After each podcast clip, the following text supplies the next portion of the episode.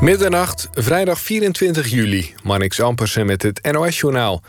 Een meerderheid in het Europees Parlement wil dat de begroting voor de komende jaren wordt aangepast. De EU-leiders sloten dinsdag een deal over die begroting. Maar vijf van de zeven EU-fracties in het parlement willen meer geld voor gezondheid, wetenschap, klimaat en jeugd. De partijen willen ook de garantie dat er geen subsidies gaan naar landen die de rechtsstaat niet handhaven. Ze dreigen de deal weg te stemmen als er niets verandert.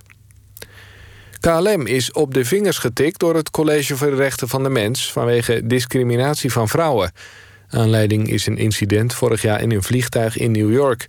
Een vrouw kreeg een stoel naast een joods-orthodoxe man, maar die wilde vanwege zijn geloof niet naast een vrouw zitten. Uiteindelijk ging de vrouw ergens anders zitten met haar partner, SP-Kamerlid Ronald van Raak. Hij stapte naar het college en dat oordeelt dat KLM in het vervolg degene moet aanspreken die discrimineert en niet het slachtoffer.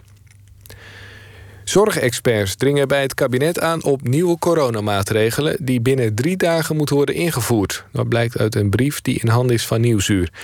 De deskundigen hopen dat door de maatregelen een tweede besmettingsgolf wordt voorkomen. Ze willen onder meer een mondkapjesplicht in de horeca en bij contactberoepen en een verplichte quarantaine voor reizigers uit risicogebieden. De VS en Groot-Brittannië beschuldigen Rusland van het testen van een nieuw wapen dat vanuit de ruimte satellieten kan vernietigen.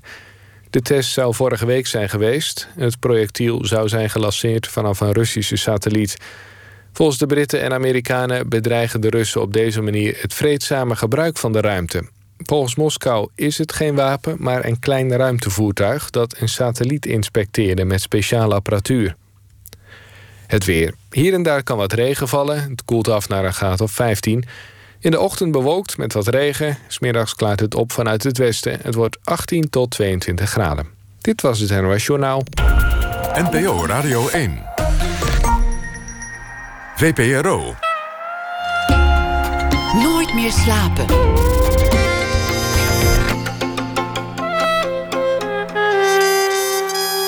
Met Lotje IJzermans. Welkom bij Nooit meer slapen. Vandaag met stand-up comedian en cabaretier Casper van der Laan, die al jaren deel uitmaakt van The Comedy Train. In 2018 won hij de publieksprijs van het Leids Cabaret Festival en werd hij door de Volkskrant getipt als het comedytalent van 2019. En eind van dat jaar deed hij ook de grote zalen aan met zijn eerste uiterst succesvolle theatershow 1 kilo. En die werd geregisseerd door Micha Wertheim. Momenteel doet hij try-outs voor een tweede show, De Weg naar Succesgeluk, waarmee hij uh, nou ja, na deze zomer eigenlijk echt gaat toeren. Casper van der Laan is 39. Hij studeerde eerst bedrijfseconomie. Daarna deed hij media en entertainment management. En op zijn dertigste stond hij voor het eerst op een podium. En dat is niet laat, vindt hij zelf.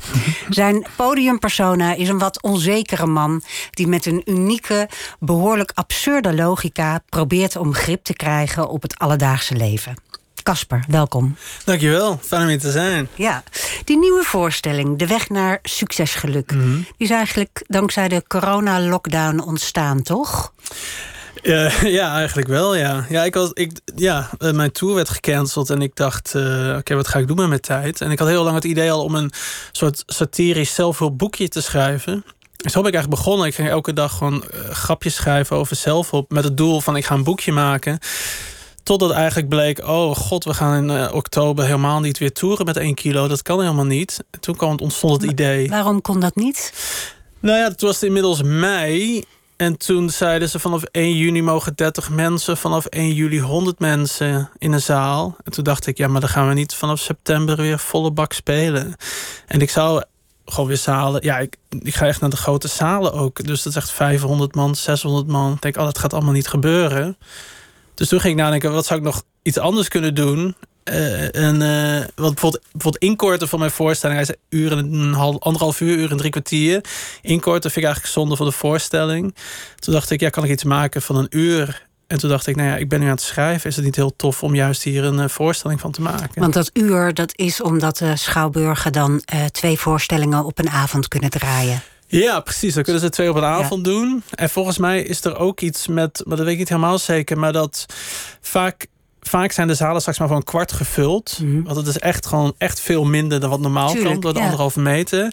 Maar er is ook een probleem vaak in de, in de foyer dat het klein is. Garderobe klein, toiletten klein. Dus ook daar kunnen ze maar een beperkt aantal mensen kwijt voor en na de show.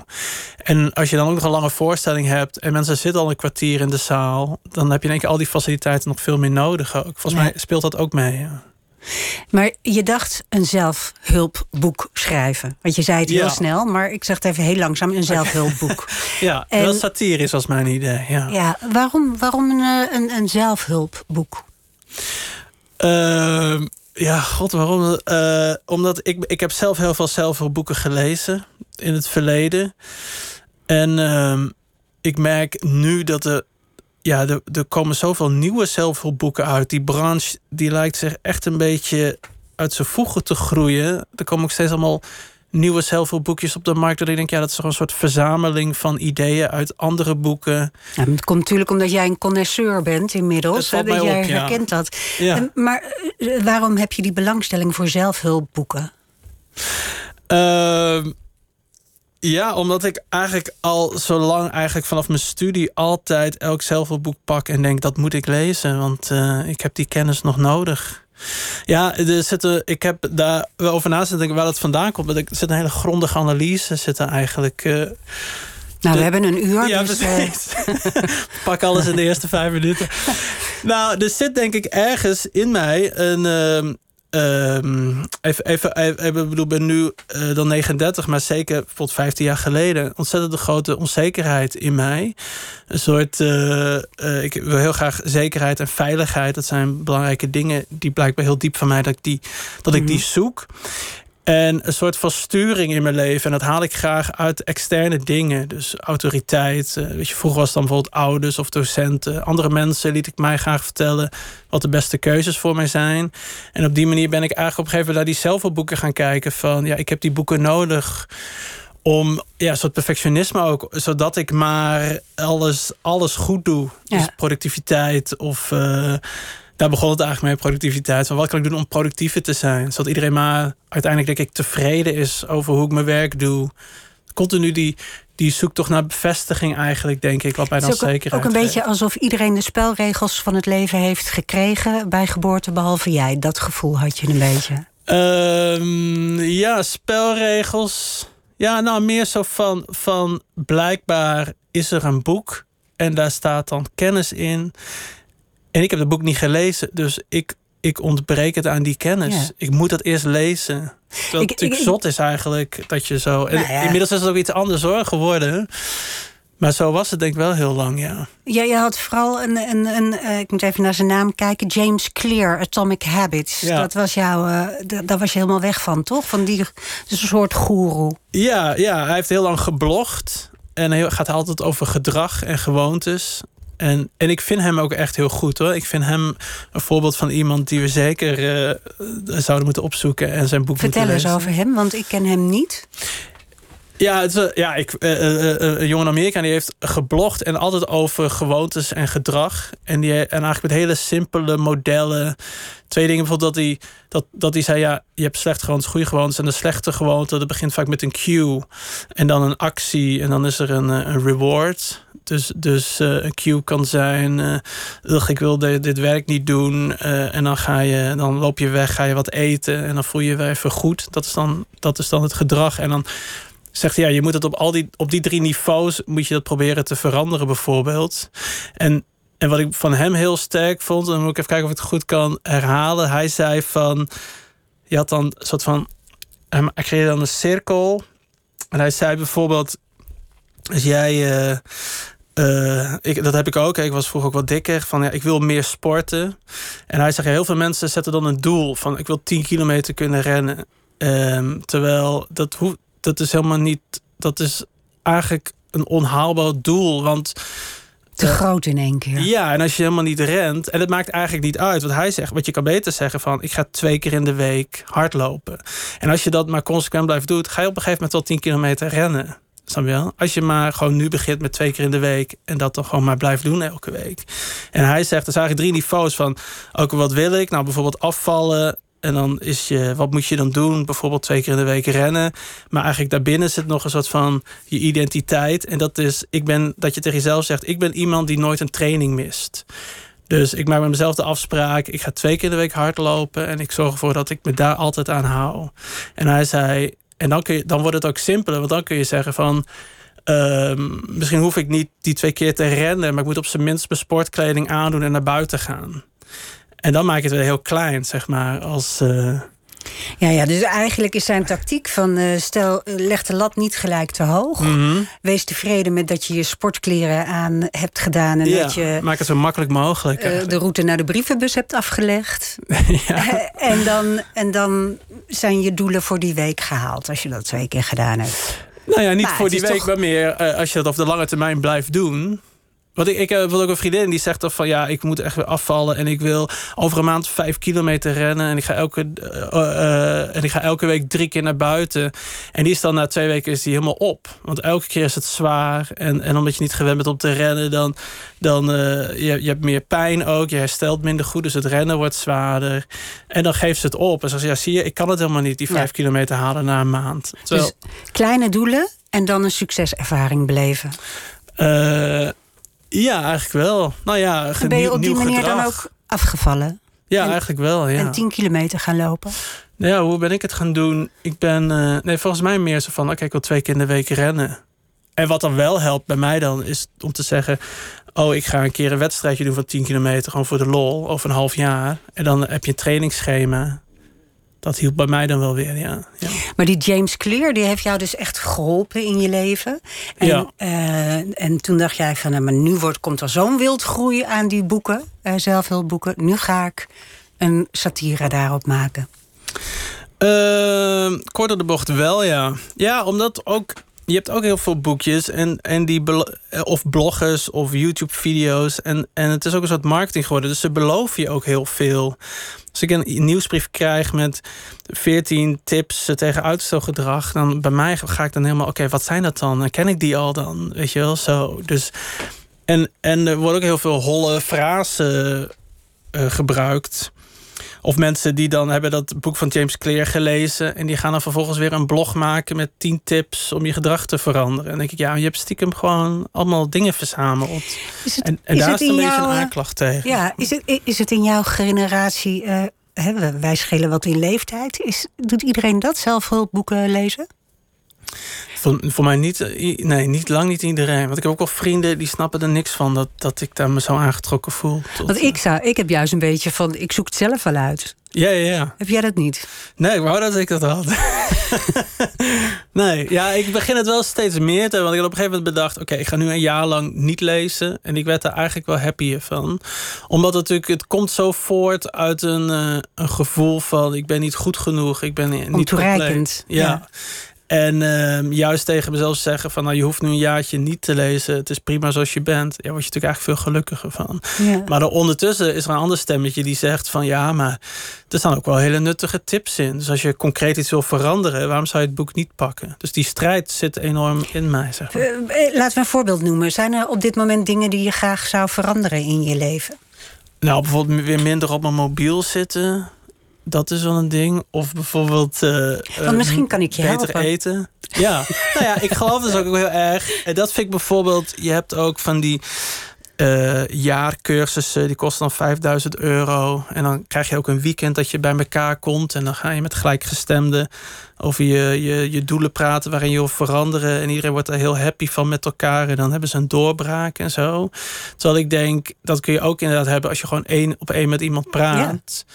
En het hebt over wat wil je dan veranderen. En vooral de vervolgstap, wat ga je doen? En dat die ander jou ook uh, vervolgens uh, ernaar vraagt. Hoe gaat dat? En, ja, een beetje, een beetje de stok achter de deur. Toch? Ja, je hebt ook zo'n term, dat heet dan de accountability partner. Dat is dan dat je elke week met iemand uh, even skypt of zo of belt. En dan spreek je met elkaar af. Wat is belangrijk voor jou deze week? Wat wil je aandacht op richten of wat wil je af hebben? En dan gaat die andere daarna vragen en zo. Om je verantwoordelijk te houden voor wat je hebt beloofd. Het lijkt me best wel uh, vermoeiend. Vermoeiend om Casper van der Laan te zijn, ja. Nou, om, om, uh, om dat allemaal zo goed te willen doen. Eigenlijk. En om Ja. eh, te denken van, oh, dat mag ik niet missen en dat mag ik niet missen en daarin moet ik mezelf verbeteren. Want je kan ook gewoon de hele dag op je telefoon kijken, maakt jou het uit. Ja, dat is ook zo, ja. Ja, dat, dat is ook vermoeiend, ja. En dat is ook een dubbele frustratie. Want aan de ene kant baal je van jezelf. Dat je denkt, ja, maar ik wil dat eigenlijk, ik wil eigenlijk anders zijn dan wat ik ben of zo. En vervolgens lukt me dat niet. Dat is een dubbele frustratie, ja. Ja. Terwijl ik ook wel weet van. Want ik denk het natuurlijk ook wel erg aan. En het komt ook omdat ik nu juist bezig ben met dat programma. Dat ik weer al die boeken erbij pak. En dat ik er ook weer geconfronteerd word met. Oh ja, die tip. Oh, dat doe ik eigenlijk helemaal niet. Weet je wel. Dus dat, ik, ik, ik maak het ook weer een beetje wakker. hè. Maar eh, eh, voel je je niet bevrijd als je denkt, dat doe ik eigenlijk helemaal niet. En toch gaat het goed. Ik bedoel, je ziet er eh, prima gezond uit. En, je. en je hebt een vriendin en je, je hebt succes. ik bedoel, Ja. Ehm, kun je jezelf er niet van bevrijden, van die boeken? Ja, dat kan wel. En ik denk ook op, dat ik dat ook wel doe. Dus, dus ehm, kijk, uiteindelijk gaat het als, het, als het weer in de kern gaat over mijn onzekerheid, zeg maar, dan weet ik wel, je gaat niet zekerheid halen uit die externe bronnen. Je moet zelfvertrouwen ontwikkelen. Maar dat klinkt, als je dat nu zegt, klinkt dat eigenlijk ook als iets uit een zelfhulp. Ja, en dat is het ook. Externe bronnen. Je, bedoelt die, eh, gewoon eh, ja. buiten jezelf, punt. Buiten mezelf, ja, externe bronnen noem ik dan. Ja, ja, Ja. externe zekerheid, ja. Maar Brené Brown, zelfhulpboek, toch stiekem, die zegt dus van... je moet moedig zijn op kwetsbaar te durven zijn. En daarmee kun je eh, ervaren en eh, bouw je zelfvertrouwen op. En dat is eigenlijk wat ik door de jaren heen eigenlijk ook wel gewoon gedaan heb. Want zoals qua comedy en zo ben ik nu ook wel op een punt... wat ik, ik heb echt wel zelfvertrouwen in mijn vak. En ik ben hartstikke gelukkig daar ook mee en zo. Maar die, die andere kant is er ook. En bijvoorbeeld als het, als het werk niet zo lekker gaat. En ik begin te twijfelen van, oh god, ik heb nu die programma De Weg naar Succes geluk. En ik moet dat nu try-outen. Ja, het is ook een kwetsbaar proces. Dus ik Mm, word onzeker. Zeker, Ja. Dan is natuurlijk het moment dat ik, dat ik toch weer terugval op het automatisme. Van ik ga op zoek naar die Ja. externe, externe Bronnen. bronnen. Die Ja, boeken, die ik snap blogs. het. Ja. Ik snap het. Ik heb ontzettend gelachen, juist eh, eh, bij de try-out eh, van de persiflage van die, van die ja, in zelfhulpboeken. Ja, Ik was bij, in Toemler bij de try-out van De Weg naar Succes Geluk. Mhm. En ehm, ja, ik, ik dacht, ja, dit is een soort. Eigenlijk gaat het allemaal over.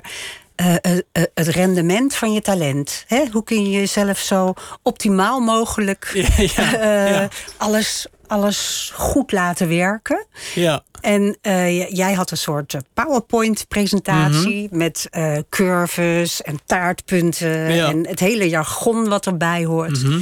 En het publiek lag werkelijk in een deuk, omdat het zo ontzettend herkenbaar was voor iedereen. Ja, ik denk ook. Ja, je wordt natuurlijk ook op je werken zo om je oren gegooid met, met PowerPoints en TED Talks. En, en het grappige is dat het vaak zo eh, op, een, op versimpeld is eigenlijk en naar holle frase gebracht is. Dat zelfs als je niet weet waar je het over hebt en je gebruikt die taal, dan, dan, dan is het bijna is eigenlijk hetzelfde. Dus eigenlijk doe ik soms bijna wat een echte zelfhulp-expert doet. Alleen omdat ik het doe, wordt het in één keer weird. Omdat, eh, Ja, dat is echt grappig aan comedy. Want je had die hele PowerPoint-presentatie had je eh, waarschijnlijk eh, op een seminar van weet Ja. ik veel, de ABN Amro, had je die zo kunnen geven. en dan had niemand gelachen. Ja. Ja, had iedereen gedacht, yes, ja, nee, inderdaad. ja, En omdat je in Toemler stond en omdat jij hem deed, ja, precies. werd het ja. comedy. Ja. Ja, dat is wel, ja, dat is eigenlijk wat fantastisch eigenlijk eraan. Ja, ja en dat is toch in de manier waarop ik het doe, heb je ook heel snel door. Het is, eh, hij, hij neemt er een loopje mee natuurlijk. Maar eh, ja, inderdaad, het komt bijna één op één eh, over. Ja. En dan vind ik het ook wel leuk om tips te geven die dan eigenlijk niet kloppen. Dat doe ik dan ook natuurlijk. Wat voor tips dan? Nou, bijvoorbeeld, ik, had- daar had ik zo'n stukje van, eh, wat zei ik nou? Dat ik zeg van ja, je moet eh, eh, een compliment geven, dat, daar word je gelukkig van. Maar complimenten krijgen word je ook gelukkig van. Dus wat je moet doen is jezelf een compliment geven. Ja. ja. Ja. Dat is natuurlijk Heel fijn. Ja, je, had, Ja. je hebt het ook eh, over de vier gouden pilaren van succesgeluk. ja. Toch? Dat zag ik op je site. Op je site staat Oh dat. ja, ja, ja, ja. Ja, ik moet eigenlijk wel eens gaan bedenken wat dat zijn. Nou ja, vier gouden pilaren, dat is natuurlijk eh, mindset, gedrag, systemen en eh, ambitie. Maakt echt niet zoveel uit. Je kunt er gewoon vier bedenken, toch? Maar je hebt wel de vijf A's. Dat is dus ambitie, analyse, aanpak, actie. Dat is eigenlijk vier stappen. En de vijfde stap is dan aandacht. Dat is eigenlijk een beetje het proces scherp houden. En aandacht is dan mindset, gedrag en je systemen, je structuren. Maar dit, uh, ja, dit is natuurlijk het hele ding. Je bent serieus nu, hè? Nee, ja, dat heb ik gewoon bedacht. Maar ja. omdat ik, dat is het stomme ook, dat ik dit verhaal aan het bedenken ben. En ik ben dan stiekem toch steeds toch een echte formule aan het proberen te bedenken. Terwijl het hele idee is dat ik dat juist niet doe, omdat ik, omdat, omdat dat eigenlijk niet, omdat, omdat dat het niet is, zeg maar. Dus je hebt bijvoorbeeld zo'n boekje De Ladder heet dat. Mhm. Er zijn dan drie treden. En dan heb je de onderste support, de tweede gedrag en de derde is dan doel. Maar ja, je kan ook vier treden van maken. En dan zet je er gewoon een stap terug, een stap tussen. Weet je wel? Dus, dus het is natuurlijk allemaal een beetje. Of dat je van die hele ladder afvalt. Ja, ik denk ook, waar zet je die ladder dan tegenaan? Ja. En als, als je doel de derde tree is, waar, ja, dat is toch raar. Waar wil je dan naartoe met die ladder? Ja. Het, het lijkt me een worsteling om, om want je maakt comedy van iets wat eigenlijk voor jouzelf een heilig huisje is. Ja, dat zit wel de strijd. Maar ik denk ook wel dat het daardoor. Uh, dat, dat dat eigenlijk ook wel perfect maakt. Ja. Want anders dan zou ik het gewoon uh, belachelijk maken.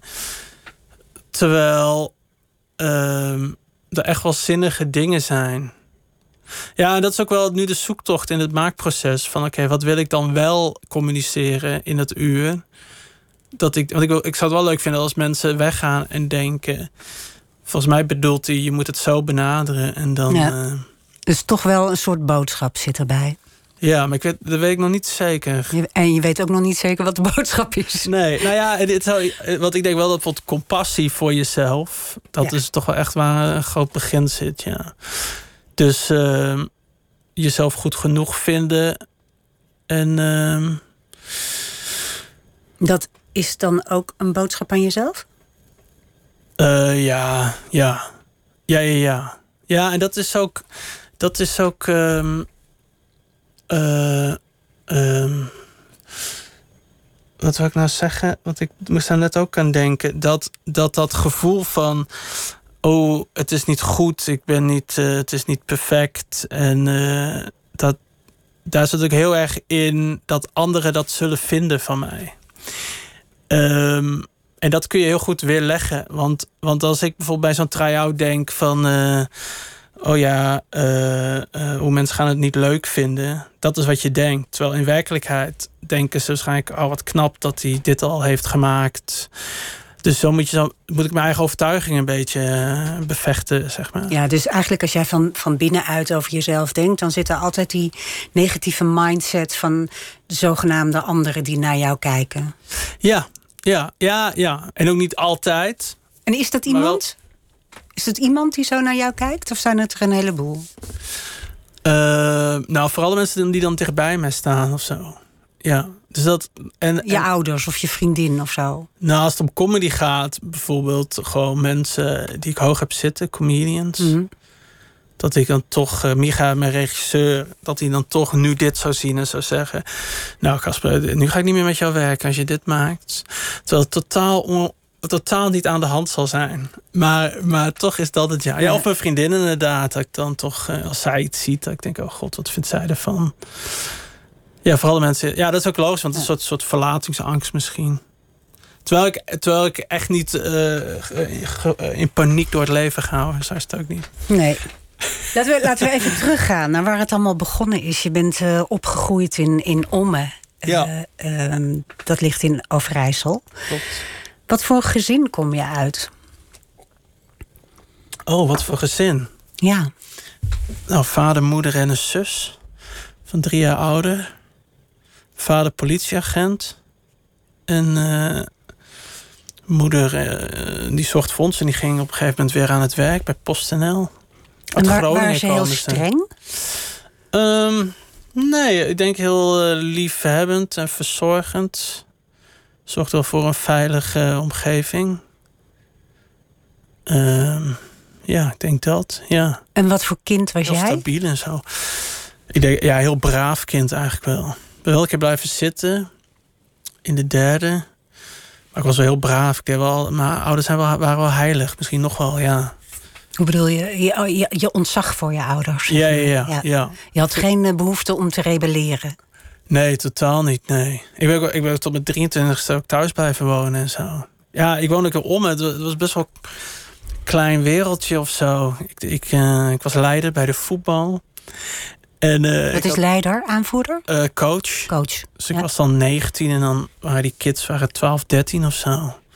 Ik, ik voetbalde zelf heel lang, ik kreeg last van mijn knieën, toen ben ik dat gaan doen. En achteraf denk ik altijd, vond ik dat nou echt leuk? Maar ja, ik deed dat dan maar of zo. En eh, En, en gold dat ook voor de studie die je koos? De, de bedrijfs... Nee, wat was ja, het? bedrijfseconomie wist ik het eerste blok al, dit is niet wat ik wil. Eh, en dat heb ik, eh, ik had ook direct van de zesde tamens de vier niet gehaald. En dat heeft eigenlijk mijn hele studie mij achtervolgd. Dat ik elk blok weer, omdat ik dingen moest inhalen van het vorige blok. Ik denk dat ik, dat ik de helft van de tentamens in die opleiding twee keer gezien heb, zeg maar. En ik vond het verschrikkelijk. eh, eigenlijk, maar ik dacht, ja, ik wist ook niet wat ik anders wil. Ik ging ook niet echt op zoek naar wat ik wilde. En mijn ouders zeiden van, nou ja, economie, daar ben je dan wel goed in. Of dat, zo zeiden ze niet, maar dat bleek uit mijn rapportcijfers. Dat Mhm. was wel mijn vak of zo, wiskunde en zo. En toen, eh, toen zat ik in de derde en toen had ik stage gehad. En toen was ik eigenlijk zo klaar ermee dat ik dacht, oké, ik wil hier vanaf. Dat ik mijn best ging doen. En dat ik allemaal goede cijfers begon te halen. En toen haalde ik denk ik heel veel plezier uit die opleiding. Omdat ik hem gewoon aan het binnenhalen was. En toen was hij klaar. En toen dacht ik, oh, hier wil ik nooit meer wat mee doen. Ja, Maar wel afgemaakt. ja, ja, ja wel afgemaakt, ja. ja. En was James Clear toen al in je leven? Had je toen al eh, dat ge- gedoe van kleine stapjes? Ik denk dat hij het toen nog niet was. Dat dat meer eh, daarna kwam. Want ik ben daar 2004 of zo, denk ik, al eh, afgestudeerd. Waarom bleef je zo lang thuis wonen en in Ommen en al die dingen die eigenlijk niet helemaal bevredigend waren? Was het ook omdat je zelf nog niet wist wie je was? Ja, ik denk dat sowieso wist ik niet wie ik was. En ik wist ook niet wat ik wilde. Ik, en ik ben ook wel een beetje misschien verandering schuw. Dus ik, ik ging gewoon naar de HAVO en dan naar die opleiding. En het was ook in Zwolle en iedereen kwam uit de dorpen daaromheen. Er was geen studentenleven. Dus alles bleef een beetje hetzelfde. Als op de middelbare school. zeg Ja, maar. eigenlijk Ja. wel. Ja. En ook, ik had maar een paar vrienden en we gingen op donderdag zwemmen. Op zaterdag de kroeg en we zaten gewoon in een soort keurslijfje. En ik had altijd wel het idee van, ja, ik hoor, echt niet, hoor eigenlijk niet in Ommen. Ik hou ook wel meer van de stad. Maar ik zag ook niet echt manieren om daar dan uit te breken. Nou, het heeft me ook altijd wel verbaasd achteraf. Dat ik dacht, ik heb na de HAVO ook nooit een opleidingenboek doorgebladerd... om te kijken, wat vind ik nou leuk? Dat is gewoon, mijn ouders zeiden nou een beetje economiehoek. En mijn decaan ook. En toen dacht ik, nou ja, dan ga ik dat wel doen. Het klinkt een beetje alsof je gewoon nog een soort kuiken was wat in het ijs had. Ja, ik denk nog als ik tien jaar eh, achterloop op eh, mijn leeftijd, ja. ja. Dus, dus dat ik pas in Breda, toen was ik inmiddels, denk ik, eh, weet ik veel, 24 of zo, dat ik toen pas eigenlijk ging studeren en vrienden kreeg. En want toen, eh, eh, na, de, na die e- economische studie, ging je naar Breda. Mhm. En daar ging je entertainment en media management doen. Maar Ja. hoe, hoe kwam die verandering dan tot stand? Waardoor durfde je het opeens wel aan om te zeggen: doe je om, me, ik ga weg. Ja, nou, ik weet het, omdat ik, ik, ik was toen afgestudeerd bij een bedrijf, eh, bij een, bij een, eh, een eh, agentschap van het ministerie van Economische Zaken op de financiële afdeling. En ik kon daar blijven werken een half jaar. En toen dacht ik, oké, ik ben nu klaar met mijn studie. En ik woon nog steeds thuis. Ik ga elke dag met de bus vlak bij mijn huis. Reed ik daar dan naartoe. En toen dacht ik, en ik zwem op, op donderdag. En, en ik denk, ja, maar dit, dit ga ik gewoon niet doen vanaf hier. Ik wou dat gewoon niet meer. En toen was er een vriendin, eh, dochter van een vriendin van mijn ouders, die zat bij Paradiso in Amsterdam, werkte die. En toen dacht ik, oh, dat is ook wel vet. En ik, ik was altijd met bandjes bezig en websites. Toen dacht ik, zou ik niet bij een platenmaatschappij willen werken of zo? Toen vroeg ik aan haar, zijn er ook opleidingen voor? En toen zei ze, ja, in Rotterdam en Breda. En toen dacht ik, oké, dat is gewoon een beetje mijn ticket om dan, dan ga ik dat doen. Ja, dus er zat toch wel een, een kern in van, van passie ergens voor bandjes, voor eh, toch meer Ja, uit ja. het leven willen halen Ja. dan. Alleen dat was heel erg eh, gezien, ja, ook een beetje als hobby, zeg maar. Dus ik had uren op mijn kamertje websites te bouwen en naar bandjes te luisteren. Maar ook daar had ik niet helemaal door, oh, dat kan je doen als beroep. Ja, je kan ook een gitaar pakken en zelf gaan spelen. Of, Ja, ja ik denk toch dacht dat ik niet muzikaal was. Ik heb wel zo'n gitaar in mijn handen gehad toen, maar Nee, ook de hele creatieve kant was ook helemaal niet zo duidelijk dat ik dat in me had of zo. Terwijl Nee. dat eigenlijk overduidelijk was. Maar ja, het is ook eh, eind jaren negentig en zo, dat je helemaal niet, of begin, eh, wat is het dan, ja, 2001, 2002, dat je ook helemaal niet door hebt dat het hele internet een heel werkveld gaat worden. Dat Nee. was natuurlijk helemaal niet aan de hand toen. Nou, in ieder geval niet in jouw beleving. Ehm, ik weet nee, niet of dat echt zo is, maar eh, ja, dat zal wel, dat dat zal wel zo Maar ik denk nog zijn, niet dat bijvoorbeeld bij de, bij de NPO webredacties waren in die tijd nog, weet je wel. Dat, dat begon al een beetje. Ja, bij de VPRO was het heel vroeg. VPRO was natuurlijk wel een van de snelste. Ja, je hebt volgens mij het internet nog uitgevonden. Dus ik weet, ik weet het niet. Maar, maar eh, In uiteindelijk... Omme was nog geen internet. Misschien is dat het. Wij, wij liepen heel erg achter. Maar uiteindelijk ben je in Breda ben je een beetje tot bloei gekomen. Ja. En daar is de wereld een beetje voor je open gegaan. Jij Mhm. kwam uit het ei. Eh, eh, je werd iemand en je bent met die mensen uit Breda ben je naar Amsterdam verhuisd. ja, klopt. En daar begon het echt. Want toen dacht je voor het eerst... laat ik eens op een open podium gaan staan. Nou, eigenlijk in Breda dacht ik dat al. En toen heeft dat denk ik nog vijf jaar geduurd voordat ik op een podium ging staan. Ja. En daar zaten allemaal hele kleine James Clear stapjes tussen. Dat je dacht, nou, ik, ik, ik ga nu kijken op een open podium. Ehm, ja, wel kijken, maar ook wel gewoon heel erg uitstellen. Niet weten waar te beginnen. Heel veel schroom, heel veel angst. Nog, ja. En ook hoe ik begon was ook omdat ik gewoon in één keer Amsterdam woonde. En je hebt comedyclubs. En dan zie je in één keer, oh, dat zijn open podia. En dat was dan nog eng. En toen zei iemand, ja, je moet je gewoon aanmelden. En dan, dan gewoon dat gaan doen. En dan schrijf je zes minuten grappen. En dan ervaar het maar gewoon een keer. Toen heb ik me aangemeld, maar echt over een half jaar. En toen heb ik een half jaar geschreven. Wat natuurlijk veel te lang is voor zes minuten. En toen ben ik het gaan doen, ja. En toen bleek het ook, die, het was verschrikkelijk. Ik ging hartstikke dood die eerste keer. Toen dacht ik wel, oh, als dit het ergste is, dan, eh, dan wil ik nog wel een keer. Nou, ontzettend dapper vind ik dat hoor. Toch voor iemand die eh, zo lang in het ei zat. We Ja. gaan even luisteren naar muziek. Die heb jij uitgekozen. Booker T en de MG's. En dat is een nummer wat jij gebruikt voor als de mensen binnenlopen. Ja, als mensen de zaal binnenlopen om te gaan zitten, dan eigenlijk een mix van Booker T.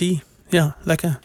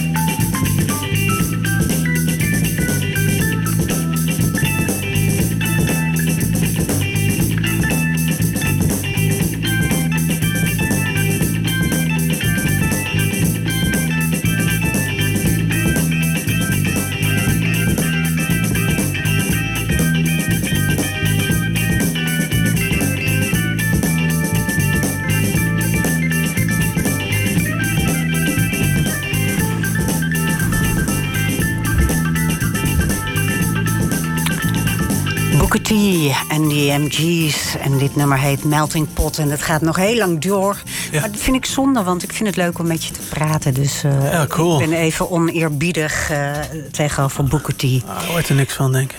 Nee. Eh, laten we het hebben over de Casper van der Laan die we op het podium zien. Oké. Want dat is een, een versie van de Casper van der Laan die Ik naast mij er even bij. Ja, maar nee, het, het is natuurlijk een- persona die je creëert. En ehm, Mhm. die waarschijnlijk, ik vul het voor je in hoor, bestaat uit, uit uitvergrote onderdelen van jezelf. Ja. ja, ik vind het altijd het allermoeilijkste deel om over te praten. Maar ja, het is ik, maar toch even anders. Laten we, laten we hem even proberen neer te zetten. Ja. Want niet wat iedereen heb, heeft wat heb jij nog- gezien? Kun je dat niet? eh, Nou, ik heb iemand gezien die ehm, eh, een soort, met een soort opluchting vertelt aan het publiek dat hij nu doorheeft hoe het allemaal werkt. en die analyse, met die analyse valt hij door de mand als de sul die het Ja. eigenlijk helemaal niet begrijpt. Het is eigenlijk wel een hele goede samenvatting. Ja. Dus dat, dat is wat ik zag. ja. Ehm, iemand met weinig zelfreflectie, denk ik. Ja, tenminste niet eh, waar het publiek bij is in ieder geval. Waarschijnlijk thuis eh baalt hij je naar de hand van... ik had het toch allemaal mis. Nee, ik denk dat dat klopt, ja. En dat vooral in het materiaal en wat hij zegt. En voor mij is mijn persona, als ik speel... is het ook een soort van... eh, eh, ik als eh, meer, meer bevrijd, zeg maar. Dus, dus eh, Meer bevrijd dan je in het echt bent. ja, ja, dus al die denkprocessen waar we het begin heel erg over hadden, dat is op het podium weg. En dan komt meer de speelse kant ook boven. En dan vind ik het ook leuk om gewoon een beetje te keten en, en, en me gewoon mijn gedachtenkronkels te delen. Ja. Ja, En, dat en- is wel mijn, ook mijn, mijn vorm van humor om, om rare gedachtenkronkels zijn het eigenlijk. Maar die komen wel uit jou. Dus, ja, dus dus, ze dus hebben wel alles zeker met jou mij te maken. ook. Ja, ja. Ja. De- een van de dingen waar eh, jouw, jouw podium, Caspar van der Laan, zich heel erg op concentreert, zijn de dagelijkse dingen eigenlijk. Hè? Van hoe we ons in de Albert Heijn gedragen. Mhm. Of, eh, waarom ligt daar jouw, jouw inspiratie? In, in die dagelijksheid. Ja, ik denk dat dat de dingen zijn die ik meemaak. Ja. Nee. nee, ja, ik weet niet. Ik, ik vind... eh, ja, waar komt het door? Ja, omdat ik... Het valt me gewoon altijd op... Ook gewoon de kleine dingetjes in mensen hun gedrag en zo. Dat vind ik eigenlijk het leukst. Dus ik heb veel minder met de grote thema's. Misschien ook wel het idee dat ik dan bang ben dat ik dingen erover zeg. Dat ik denk, ja, nee, je weet er gewoon te weinig van. Maar het is meer gewoon dat ik... Dat ik ja, ik vind gewoon leuk hoe mensen doen. Als ik iemand hoor bellen op straat... die met een paniekerige stem zegt... nou, ik vind het helemaal niet erg, hoor. Ja, dat vind ik het gewoon heel grappig. Omdat ik denk, ja... we doen zoveel dingen als, ook automatisch... waar we helemaal niet stil bij staan. En we maken ons druk over van alles en nog wat. Terwijl... ehm, Sommige dingen zijn in, in essentie nemen we voor waar aan en denken we niet eens eh, verder over na. Ja, ik weet, ik vind het gewoon, ja, vind het gewoon grappig om de simpele dingetjes bloot te Mhm. leggen. Ja, precies. Het, het gaat ook om blootleggen van Ja. wat wij allemaal, wij die in de zaal zitten, allemaal herkennen. Ja, ja, het is heel herkenbaar, ja. Want we zijn allemaal eh, te scheiterig om eh, assertief te zijn. Of we zijn allemaal, eh, al die dingen die jij Ja, neerzet, die herkent het publiek natuurlijk. En dat is ook wat de lach teweeg brengt, denk ik. Ja precies. Ja, en voor mij is er ook niks leukers dan mensen die zich heel erg opblazen en dat je aanvoelt. Nee, nee, nee, dit is helemaal niet aan de hand. Eh, iemand die heel stoer doet en dan denkt, je bent hartstikke onzeker. Ik vind dat leuk om die persoon een beetje te spelen. Die kennen we eigenlijk allemaal en zo doen we allemaal wel eens ook of zo. Het is een anti-held, hè? Zeker, ja. Terwijl veel van die stand-up comedians hebben toch wel veel ehm, testosteron in hun, eh, in hun set, zou ik maar zeggen. Ja. Ja, je hebt comedians die graag om zich heen slaan, als het ware. Ik ben meer van de zelfspot. Ik vind het leuk, je kan, ja, technisch heb je volgens mij dat je kan zeggen, je moet als comedian sta je boven het publiek. En, en wij geven daardoor een soort vrijbrief aan het publiek. Zo van als comedian, er is altijd een slachtoffer in een grap eigenlijk. In elke grap is er Mhm. ergens een soort van slachtoffer, iets of iemand. En dan, en dan de comedian geeft de vrijbrief om dan met z'n allen om te lachen. En wat ik eigenlijk doe, is dat mezelf het slachtoffer maken. En iedereen mag lachen om mij. Maar omdat het iets is wat we eigenlijk stiekem allemaal wel hebben, lachen we eigenlijk om onszelf. Volgens mij is dat wat, wat ik doe. Ja.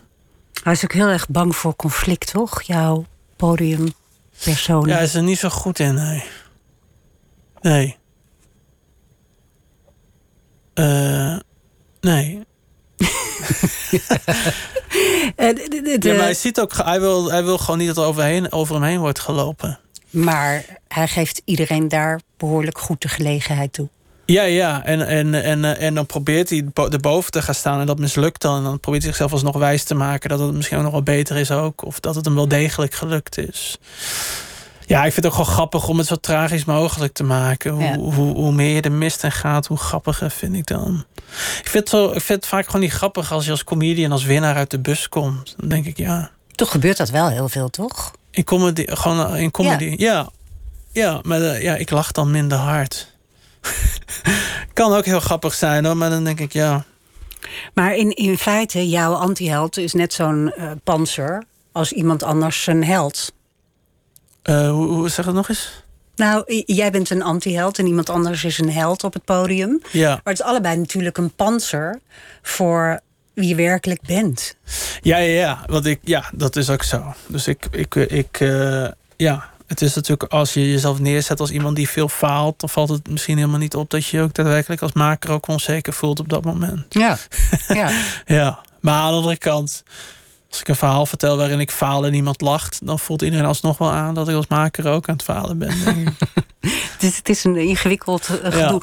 Maar, maar iedereen heeft natuurlijk, ja, iedereen die, die probeert een modus te vinden om eh, toch een soort autoriteit uit te stralen. Ja. Maar ik, Op dat podium. ja, Ja. Dus nou ja, of autoriteit, maar je wil als publiek het idee, idee hebben van: oh, het gaat goed komen, dit gaat leuk worden. Je wil niet als publiek denken: oh god, wat wordt er van ons verwacht? Eh, het loopt niet, we moeten maar meer ons best doen om het leuk te vinden of zo. Nee.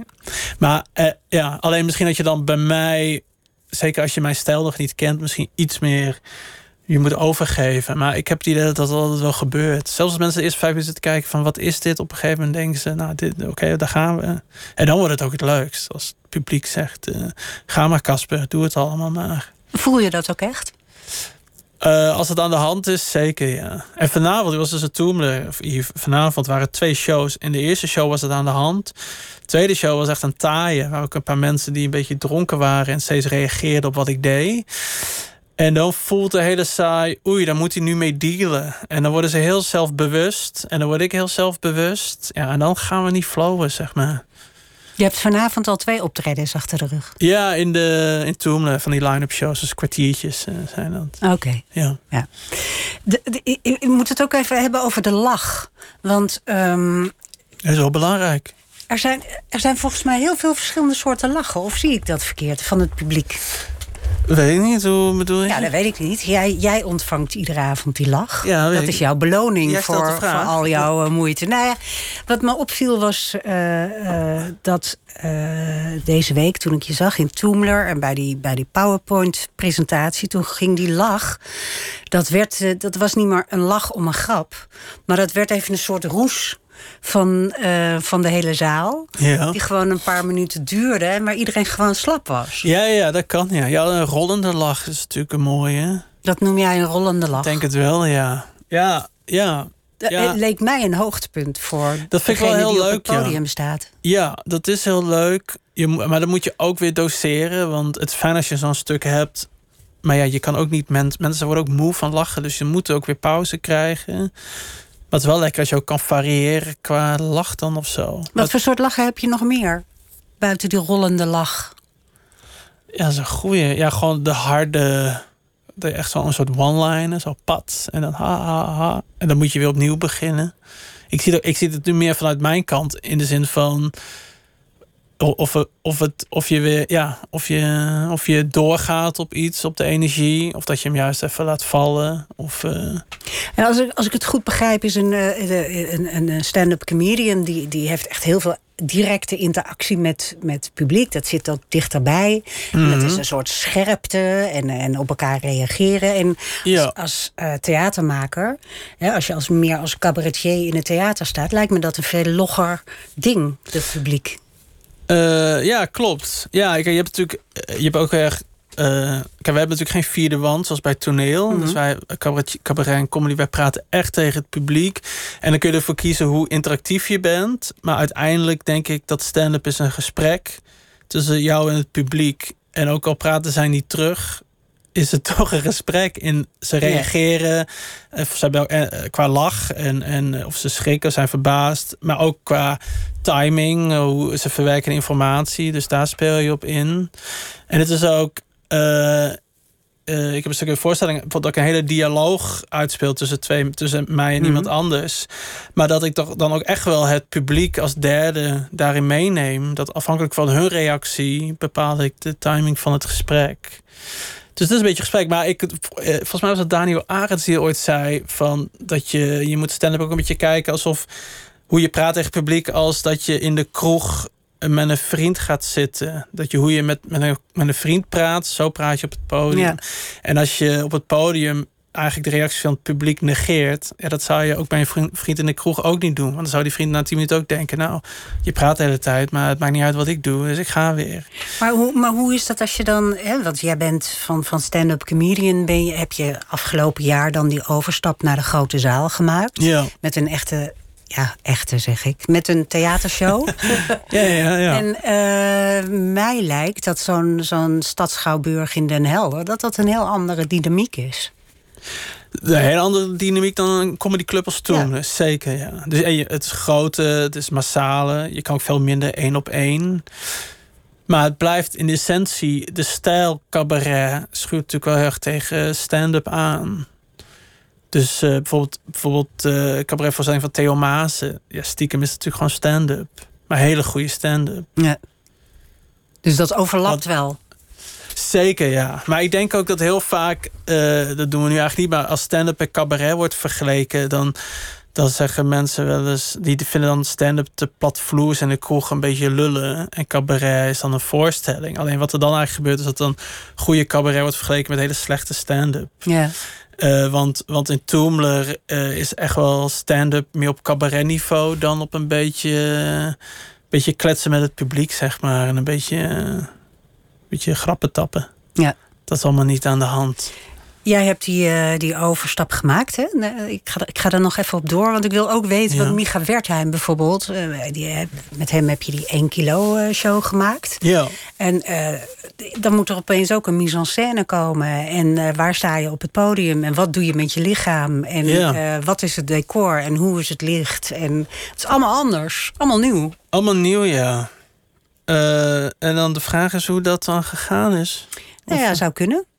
ja, nou ja, het is niet een voorstelling in de zin van dat ik, uh, dat ik elke stap is uitgemeten en dit doe je daar, dit doe je daar. Op een paar punten wel, maar de meeste dingen niet. Ik heb wel een heel mooi decor. Dat zijn wel allemaal dingen, ja, dat vond ik ook wel moeilijk om daar ook keuzes in te maken. Maar de, de samenwerking met Micha is vooral, het is niet als een regisseur in toneel van hij bepaalt wat ik doe. Het is meer een soort hij, hij wil ook dat, dat ik het noem meer een klankbord. Dus hij is gewoon heel vaak komen kijken. En dan, dan gooide hij al zijn ideeën ook naar me van je, je kan dit. En als je het zo speelt, je kan het ook zo spelen. En dan deed hij dat even voor. Of we gingen in een ruimte overdag zitten om dat door te nemen. Maar hij, vooral mij aan te moedigen van je kan ook dit. En, en als je wat wil je, ga dat dan ook doen. Dus meer op die manier. Ja, dus meer proberen echt uit jou te halen wat er in jou zit. Ja, ja, zeker. Ja. In plaats van dat hij zei van uh, volgens mij moet je het zo doen. Ja, exact. Ja, dat is het. Ja, ook, ook qua materiaalkeus heeft hij helemaal aan mij gelaten ook. Het is een heel traag proces, lijkt me, zo'n show maken. Want eh, die, die, die 1 kilo heb je best wel lang over gedaan, volgens mij. Ja, nou het is natuurlijk mijn eerste. Dus dat is een beetje raar. Dat je dus eigenlijk doe je heel lang stand-up kwartiertjes. Dan ga je naar uh, dubbels drie kwartier. En dan doe ik een festival. En dan speel je een tour. En dan speel je steeds een half uur, drie kwartier. En dan in één keer moet je dan anderhalf uur. Ja, dat ik ook voor het eerst. Dus ik heb helemaal geen ervaring in het maken van een voorstelling natuurlijk. Dus ben je ook wel een soort van opgelucht dat je nu maar een uur hoeft te maken? Zo van... Uh, niet opgelucht, want een uur best wel veel. En de vorige 1 kilo is natuurlijk ook een soort van. omdat ik eigenlijk een paar jaar al bezig ben daaraan. Het is natuurlijk ook een soort. De beste stukken uit mijn carrière zitten daar inmiddels in. Dus het lijkt me eigenlijk, eigenlijk een heel erg eenzaam beroep. Eenzaam? Ja. Je staat er in je eentje. Ik ken een acteur, heeft allerlei, allerlei mensen om zich heen, andere acteurs, maar jij staat daar. Ja, maar dat, uh, ik denk toch dat ik daar wel het best in ben, ook in mijn eentje. Want dan kan ik het ook helemaal naar mijn hand zetten. Ik ben er wel achter gekomen dat een beetje dat autonome wel bij mij past. Omdat ook, nou ja, wat je maandag ook ziet, het, het gaat ook wel nog alle kanten op. En ik maak beslissingen in het moment. Dat kan alleen als je alleen bent. En, en het is, eh, ja, ik heb echt het gevoel dat ik in mijn eentje eigenlijk wel gewoon, eh, ja. En ik ben niet helemaal alleen, want ik heb een technicus. Dus daar ga ik honderd keer mee op pad. Dus eh, Jullie gaan samen in de auto naar... naar nou, niet hebben we de Eindhoven, maar we gaan samen eten en kletsen. En eh, het is heel leuk. Ja. En dan eh, op podium moet ik toch werken. Dus dan, dan is het goed dat we even geen contact hebben. Maar op zich is het wel grappig dat, dat jij het hebt over die autonomie waar je je prettig bij voelt. En als je dan aan het eerste deel van het gesprek denkt, waarin je eigenlijk onzeker bent over alles. Ja, En daar zelf hulpboeken voor nodig hebt om, om in hele kleine stapjes te kunnen zetten. ja. Het is best moeilijk te rijmen in één iemand. Ja, ergens wel. Nou, ik denk dat ik eh, gewoon wat zelfvertrouwen heb ontwikkeld in de jaren van comedy maken. En dat dat stiekem ook komt omdat ja, als het publiek lacht, weet ik dat ik goed bezig ben. Is het Mich- ook makkelijker om zelfvertrouwen in je werk op te bouwen dan in het echte leven? Ehm, ja, misschien wel, ja. En dat komt ook omdat ik wel ook comedy wel scheid met mezelf. Dus probeer het wel heel erg te zien dat als een, als een optreden niet goed was, dat het optreden niet goed was. En dat dat niet betekent dat ik niet goed ben. Maar dan kan ik ook kijken het optreden, wat ging er mis? Betekent ook dat als een optreden goed ging, dat ik het ook onderscheid. Dus dan was het optreden goed. Betekent niet dat ik in één keer heel goed ben. Dus ik vind qua werk scheid ik het gewoon een beetje de voorstelling van mezelf. Dus die on- onzekerheid die je had, die is nog steeds heel erg aanwezig. Naast het succes in het werk. Nee, onzekerheid in mijn werk is echt wel een stuk minder. Ja. Ik heb echt wel vertrouwen in dat ik eh, een, een prima comedian ben. Maar elk comedian, ik bedoel, als ik weer aan Toomler nieuwe dingen moet doen, dan eh, ben ik weer onzeker. Maar ik weet ook dat ik toch wel ergens ervaring heb waar ik op kan leunen en zo. Dus daar is zeker wel zelfvertrouwen ontwikkeld. Ja. Maar ook als dat hele moedig zijn en kwetsbaar durven zijn, is natuurlijk comedy de perfecte voorbeeld, het perfecte voorbeeld. En het mooie van comedy is ook, stel je voor dat je een boek wil schrijven of een film, dan zit je thuis te schrijven en je weet niet of het goed is. Terwijl comedy is elke avond, weet je direct. Je krijgt zoveel feedback van het publiek.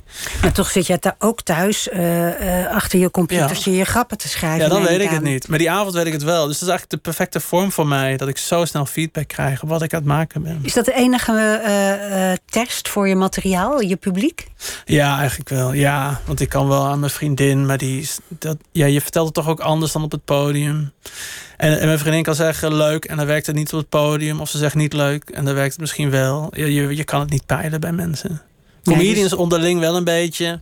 Ah, dat kan wel werken. Of misschien moet je het dan zo zeggen. Maar je weet pas op het podium. Wat, wat me ook heel opvalt eh, als je jou, eh, zowel je, je, je 1 kilo show als de try-out die ik eh, van de week zag, is je lichaam. Hmm. Ehm, je bent heel. ehm, ja, hoe zal ik dat zeggen? Er gebeurt meer dan dat er alleen maar een man staat. Het is een beetje een onhandig groot lichaam met veel armen en benen. En Ja. dat gaat alle kanten uit. Ja. Is dat een, een natuurlijk ding of is dat ook iets wat je hebt ontwikkeld? Net als je, dat je je grappen ontwikkelt. Het is een beetje ontstaan eigenlijk, denk ik. Ja, ik weet echt niet eh, precies waarom. Maar volgens mij ook tijdens de try-outs van 1 kilo... dat ik op het podium steeds heel breed uit ging staan. En gekke poses. Ik vind het wel leuk. Micha die zei een keer van... ja, het lijkt wel alsof je lichaam steeds een andere kant op wil dan jij. En, ehm, en het is wel leuk, vind ik, dat als je iets vertelt... dat er ondertussen nog iets anders aan de hand is... Dus, dus als ik jou een verhaal vertel, ik zit steeds aan mijn shirt te plukken, dan, dan, dan wordt het toch spannender daarmee of zo. Maar het gaat ook heel erg. En het is ook wel een beetje om dan dat ik nog meer misschien in mijn persona ga door dan anders te gaan staan dan ik normaal zou doen. Heeft ook wel een beetje mee te maken. Maar ik vind het ook wel lekker om gewoon veel energie en, en bewegelijk en een beetje. Ja, toch gewoon een hoop gebeurt. Hoop dynamiek, hoop energie en zo. Je maakt eh, deel uit van het eh, team hè, van, van Comedy Train. Daar Mhm. zitten hoeveel mensen? 25 eh, comedians? Ja, ik denk wel 50 bij elkaar, maar actief in Toemelen misschien zoiets, ja. Wat biedt het je? Ehm, Nou ja, nu vooral de speelplek, maar vooral ook de mensen om je heen die allemaal goed zijn in hun vak en je feedback geven en tips. Ja, want ik zag, uh, ik zag jou en Alex Ploeg Mhm. uh, op één avond. En toen, toen we de deur uitgingen, zaten jullie echt waanzinnig serieus uh, te praten Ja, en ja. te evalueren. En jullie zagen er allebei eigenlijk heel bezorgd uit. Kan. Wat gebeurde daar? Weet ik niet. Ja, we hadden natuurlijk ook twee shows gedaan. Dus we waren gewoon ook wel moe. En, eh, Maar zit je dan samen eh, door te nemen welke grap goed werkte en wat niet goed werkte? Ja, ik denk het wel dat we het aan het doen waren. Zo van dat ik dan zeg, ja god, ik moet volgende week een uur en dat en dat ben ik niet zo blij mee. Maar we waren eigenlijk heel tevreden over die tweede. De tweede was ook het leukst. Ja, we hebben het daar dan, ja, ik weet, ik weet niet. Ik denk dat we gewoon een beetje moe waren ook gewoon van het spelen. Ik weet niet wat. Maar, maar dat is dan, uh, dat is dus wat de Comedy Train jou ook biedt. Namelijk dat je dan samen evalueert en ja, elkaar ja. verbetert. Ja, je vertelt elkaar wat je ziet. En dan zeg je, je kun je niet beter dit. Of uh, ja, dat het kunnen grapjes zijn. Maar ook de manier waarop je vertelt. Of uh, ja, vaak als iemand al opkomt, dat je al binnen 30 seconden aanvoelt. Ja, je, dat is eigenlijk niet handig wat je doet. Uh, je legt het te veel bij het publiek neer. Of, wat, maar hoe doe je dat? iets onhandigs doen en te veel bij het publiek vertellen is? Nou ja, ja, je komt bijvoorbeeld als je opkomt. Stand-up in Toemelen is ook heel live natuurlijk. Dus je komt op en als je direct een verhaal begint, denkt het publiek: ja, hallo, wij zitten hier ook. Waarom begin je in één keer te vertellen? Zeg even hallo. Maar als je te veel hallo en uh, leuk om hier te zijn, dan begint het publiek te denken: ja, maar ga je nog wat doen of niet? Dus de juiste toon daar vinden, vooral voor nieuwe comedians, is dat heel moeilijk. Ja. Dus dat soort dingen. Maar dat is wel een heel klein dingetje hoor. Het gaat ook wel over grotere. Nee, maar ik vind het juist leuk om dat soort technische uh, ja, details ja. te horen. Want ja. uh, wij als publiek uh, zijn niet op de hoogte daarvan. Dus dat nee, ontgaat ons. Wij gaan voor de humor. Ja. Maar de, in die zin is de Comedy Train dus echt wel een soort team. jij maakt ook deel Mhm. uit van een ander team. Je hebt bij Ram, Rambam gezeten, maar ook... Long time ago, ja. Ja, maar ook schreef je teksten voor Dit Was Het Nieuws, toch? Ja, dit was het nieuws. die teksten die Harm voorleest. Echt? Dat vind ik de leukste namelijk altijd. Ja, ja die one-liners. Ja, dat is een heel... Uh, ik doe het nu sinds 2017. Ik was nu weer gevraagd. Alleen ik, omdat ik dit nu doe, heb ik er eigenlijk geen tijd voor. Maar dan... Uh... Maar ik, vind, ik heb daar allemaal hele romantische ideeën bij. Hoe dat gaat met zo'n schrijversteam. Met allemaal grappige mensen die uh, keiharde one-liners ja, maar wel allemaal thuis. Echt waar? Ja, ja. Dus Ach. je krijgt op donderdag de onderwerpen door, als het ware. Ja, hoeveel mag je eigenlijk van vertellen? Want die romantiek is natuurlijk wel heel belangrijk. Nee joh, vertel gewoon. Maar zitten... uh, ja, gewoon een club. En dan, en dan schrijf je je one-lines en die stuur je op. En dan hoop je dat ze in het script komen. Dus jij krijgt bijvoorbeeld een, een, een, een foto thuis van, van een politicus die iets raars heeft gedaan. En dan wordt jou gevraagd daar een one-liner bij. Nou, het nieuwsonderwerp. Zeggen ze van... Uh, deze vraag gaat, er zijn er vier foto's, zijn vier nieuwsonderwerpen. En dan of je daar een grappen bij wil schrijven. Terwijl ik dacht van, nou ja, dat is uh, juist omdat je samen aan één tafel zit, kom je tot grotere hoogte nee. en uh, stuur je elkaar. Uh... Nee, het is juist niet omdat je daardoor originelere grappen krijgt. Ik vind het jammer. Ja. Ja, vind ik nou echt een beetje een maar, bummer. Ja, maar ik denk dat het vaak... Ja, je moet, ze zei, is er ook wel eens dat ze uit onderzoek dan bleek... dat ook op bij bedrijven dat dan samen brainstormen juist niet goed is. Je kan beter ieder voor zich eerst gaan nadenken... met ideeën komen en dan bij elkaar komen. Heb je dit ook uit een zelfhulpboek? Nou, nee, nee, nee. Ik weet niet waar dit vandaan komt. Maar het zal wel zoiets zijn, ja. Of iemand die wist dat ik hier wel lekker op zou gaan misschien. Ja. uh, laatste vraag. Uh, zoals, zoals James Clear zei... als je de 10 kilometer wil lopen... moet je eerst beginnen met uh, twee keer in de week... in je sportkleding de deur uitgaan. Mm -hmm. Wat is je, je grote doel? Wat is je, je komende 10 kilometer? Wat wil je... Oh, jeetje. Gaan doen wat je in hele kleine stapjes gaat bereiken? Nou, dat is een goede vanwege. Deze voorstelling en dan, en dan officiële tweede, zeg maar. Ja. Klein. Kleine stapjes en, dus. En misschien een huis kopen met mijn vriendin, wat we heel graag willen. Oké, okay, ja. oké. Okay. ik, ik noem even de data waarop uh, mensen jou kunnen zien. 25 juli en 1 augustus uh, doe je try-outs in de Bali in Amsterdam. Ja. 29 juli in Bloemendaal in het Openluchttheater. 7 augustus in Amsterdam in de Halle. En 8 augustus in het Vondelpark Openluchttheater. Ook in Amsterdam. En uh, dat zijn allemaal try-outs. En dan na de zomer... Vanaf oktober echt in theaters. En half augustus gaan theaters bekendmaken. En programmering en zo. Ik wens je heel erg veel succes. Fijn dat je hier was. Dankjewel. Leuk om te zijn. Casper van der Laan. Morgen in dit programma gaat uh, Elfie Tromp in gesprek met choreograaf en theatermaker Alida Dors, de nieuwe artistiek leider van uh, Theater Rotterdam.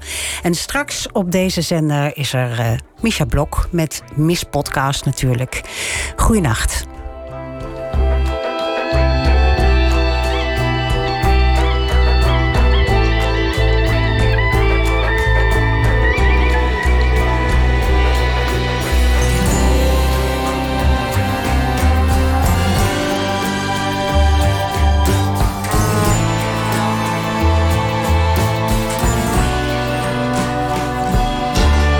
Radio 1, het nieuws van alle kanten.